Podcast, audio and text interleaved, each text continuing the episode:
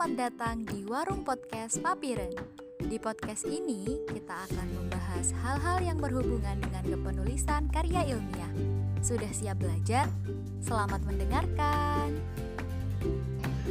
Oke, Assalamualaikum warahmatullahi wabarakatuh Selamat datang kembali di Warung Podcast Papiren Dan seperti biasa, saya, Eramas, akan menemani kalian selama beberapa menit ke depan Nah, untuk kali ini, apa sih yang akan jadi tema pembahasan kita kali ini? Uh, tema pembahasan kita kali ini adalah mengenai desain dan rancangan penelitian sosial dan budaya Seperti apa kejelasannya? Let's check this out. Nah, yang perlu kita ketahui pertama kali itu adalah mengenai apa sih yang dimaksud dengan penelitian sosial dan budaya.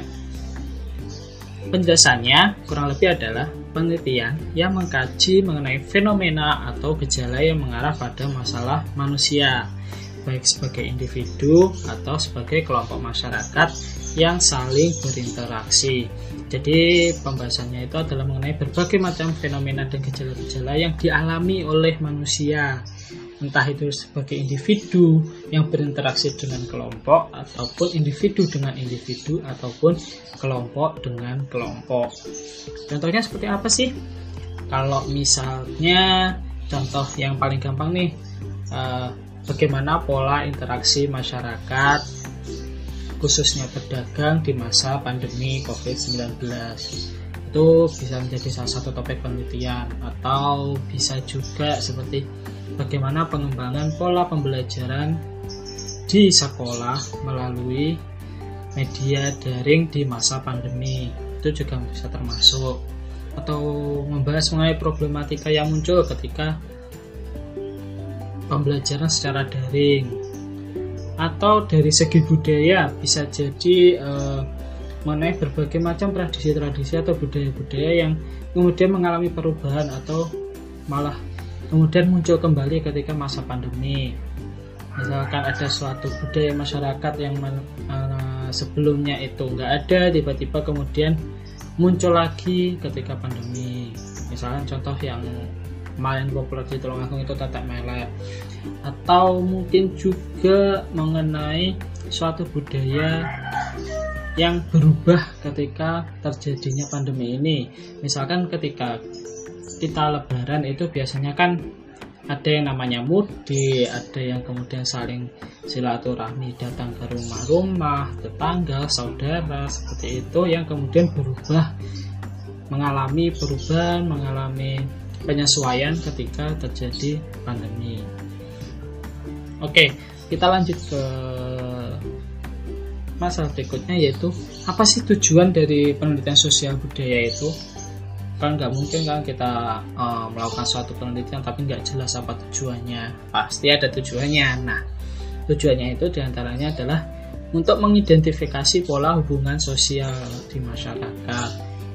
Itu maksudnya adalah kita Eh, penelitian ini ditujukan untuk mengidentifikasi bagaimana sih pola hubungan sosial masyarakat kan pasti ada perbedaan tuh ketika kita melihat pola hubungan masyarakat yang ada di desa dengan yang ada di kota yang di desa itu kan cenderung homogen jadi polanya itu seperti itu atau ketika di masyarakat kota itu polanya akan mengalami perbedaan dengan yang ada di desa.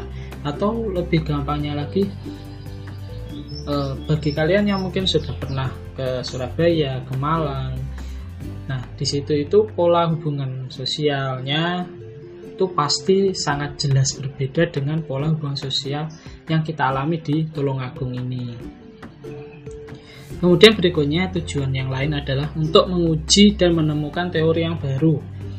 E, maksudnya ketika kita melakukan suatu penelitian sosial itu ada kalanya tujuannya adalah untuk menguji apakah teori yang kita gunakan itu masih relevan atau masih bisa dipakai untuk kondisi masyarakat yang kita teliti pada saat itu. Ataukah nanti akan memunculkan teori-teori baru yang lebih sesuai dan relevan dengan kondisi masyarakat tersebut? Selanjutnya adalah untuk membuat ramalan dan prediksi. Ini bukan seperti meramal masa depan di dukun-dukun itu atau di horoskop seperti bintang Sagittarius, Leo dan sebagainya, tapi ini lebih mengarah pada memprediksi sesuatu.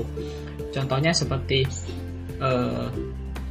kira kira-kira pandemi ini akan berakhir selama beberapa waktu sih kalau berdasarkan data penelitian misalkan berdasarkan pengalaman-pengalaman yang terjadi pada masa lalu di data-data sejarah akan menyebutkan sekian tahun atau sekian bulan.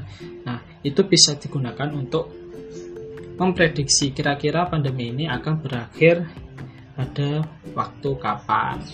Nah maksudnya kayak semacam itu. Lalu selanjutnya adalah untuk menafsir fenomena budaya yang ada dengan lebih bermakna. Kita kan sering melihat ada suatu fenomena budaya atau tradisi-tradisi ataupun uh, pola hubungan masyarakat budaya-budaya yang ada di sekitar kita itu.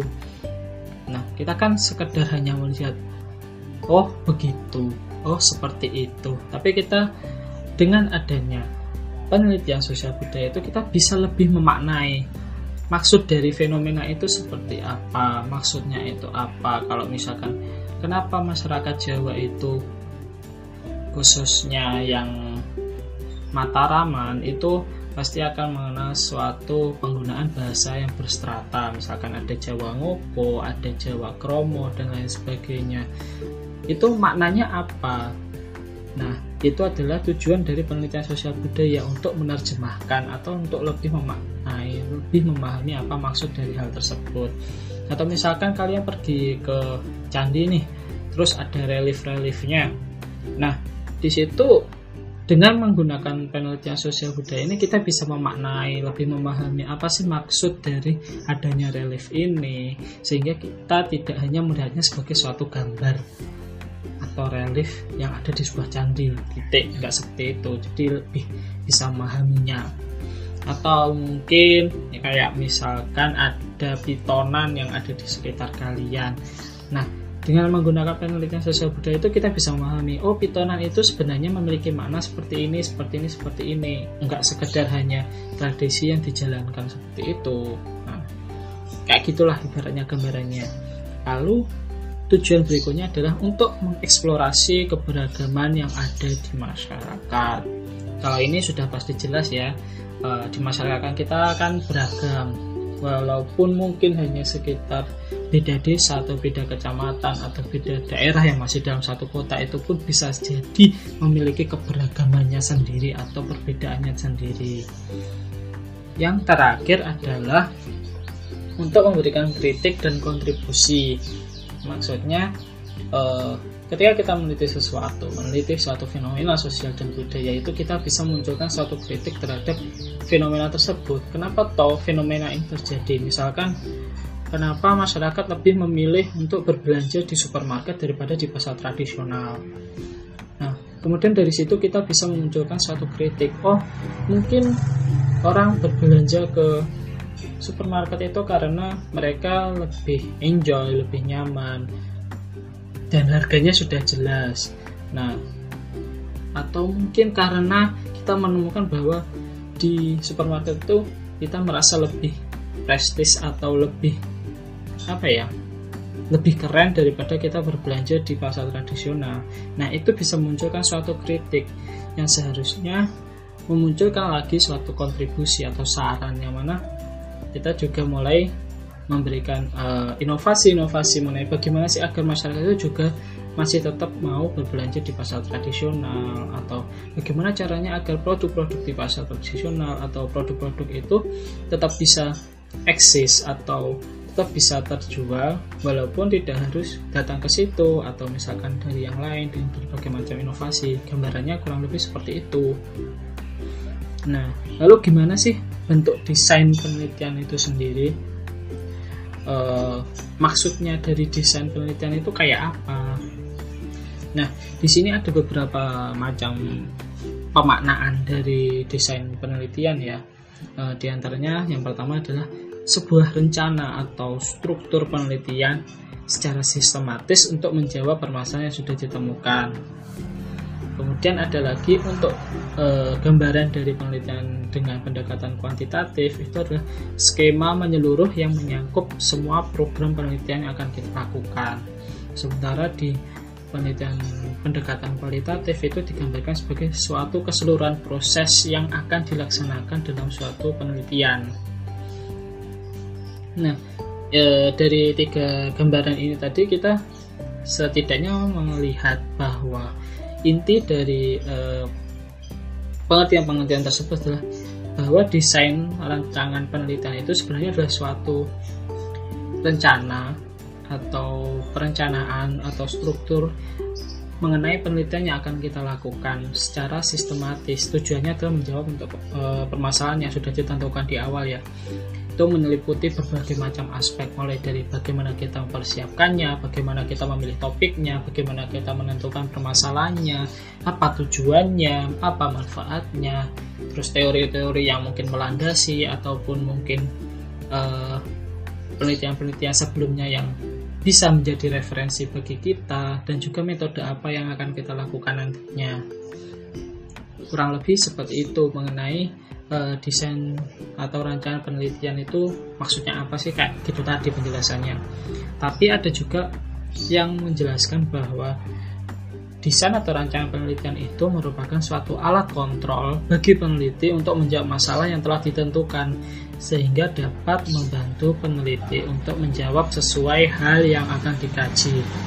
Jadi desain atau rancangan penelitian itu tadi fungsinya adalah sebagai pembatas. Kalau alat atau alat kontrol yang akan mengontrol bagaimana kita sebagai peneliti itu mencari data, mengumpulkan data dan menganalisis data sehingga apa yang kita temukan, apa yang kita bahas itu tidak keluar dari topik permasalahan yang telah kita tentukan di awal.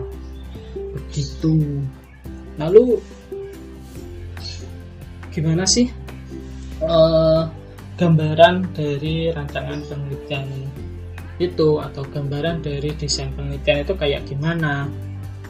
E, sebenarnya tidak ada suatu hal atau rancangan yang mutlak mengenai gambaran kerangka tersebut tapi ada suatu gambaran secara umum yaitu mulai dari awal itu ada judul atau topik penelitian, terus kemudian ada latar belakang dan rumusan masalahnya seperti apa, kemudian yang jelas pasti ada tujuan dan manfaat penelitian, disertai dengan tinjauan pustaka dan teori-teori yang melandasi atau melatar belakangi atau yang menjadi dasar bagaimana kita akan meneliti nantinya.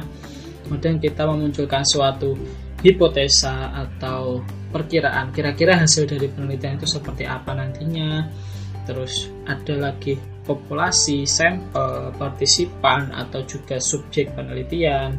Kemudian ada variabel dan kerangka konsep. Kemudian yang penting itu juga ada kita nanti metode pengumpulan datanya seperti apa, metode untuk menganalisanya seperti apa, dan yang terakhir adalah penulisan, penulisan laporan dan perlu diketahui juga sih sebenarnya rancangan tersebut itu tadi yang saya sebutkan tadi itu sifatnya nggak mutlak gitu. Jadi ada beberapa yang mungkin berubah sesuai dengan pendekatan yang kita ambil atau sesuai dengan uh, metode yang akan kita gunakan nantinya. Misalkan apabila kita menggunakan uh, pendekatan kuantitatif kita akan mesti menggunakan populasi dan sampel Sedangkan di penelitian kualitatif itu kita merubahnya menggunakan subjek penelitian atau e, hipotesa. Hipotesa ini sering kali lebih banyak digunakan di penelitian dengan pendekatan kuantitatif, sedangkan di kualitatif itu jarang sekali menggunakan e, hipotesa. Lalu kemudian mengenai kerangka konsep, variabel dan lain sebagainya itu akan menyesuaikan dengan apa yang kita teliti dan apa pendekatan yang akan kita gunakan selama penelitian itu nanti ya seperti itu sih uh, kurang lebih mengenai uh, desain rancangan dan gambaran kerangka untuk melakukan suatu penelitian di bidang sosial budaya Oke, mungkin sampai sekian saja perjumpaan kita kali ini. Kurang lebihnya mohon maaf. Saya Ernest undur diri. Wassalamualaikum warahmatullahi wabarakatuh. Wah, seru bukan pembahasan kali ini? Terima kasih sudah mendengarkan sampai akhir. Jangan lupa ya follow kami di Instagram di @k2ipapiren agar kalian tidak ketinggalan konten-konten kami yang lainnya. Sampai jumpa di episode berikutnya.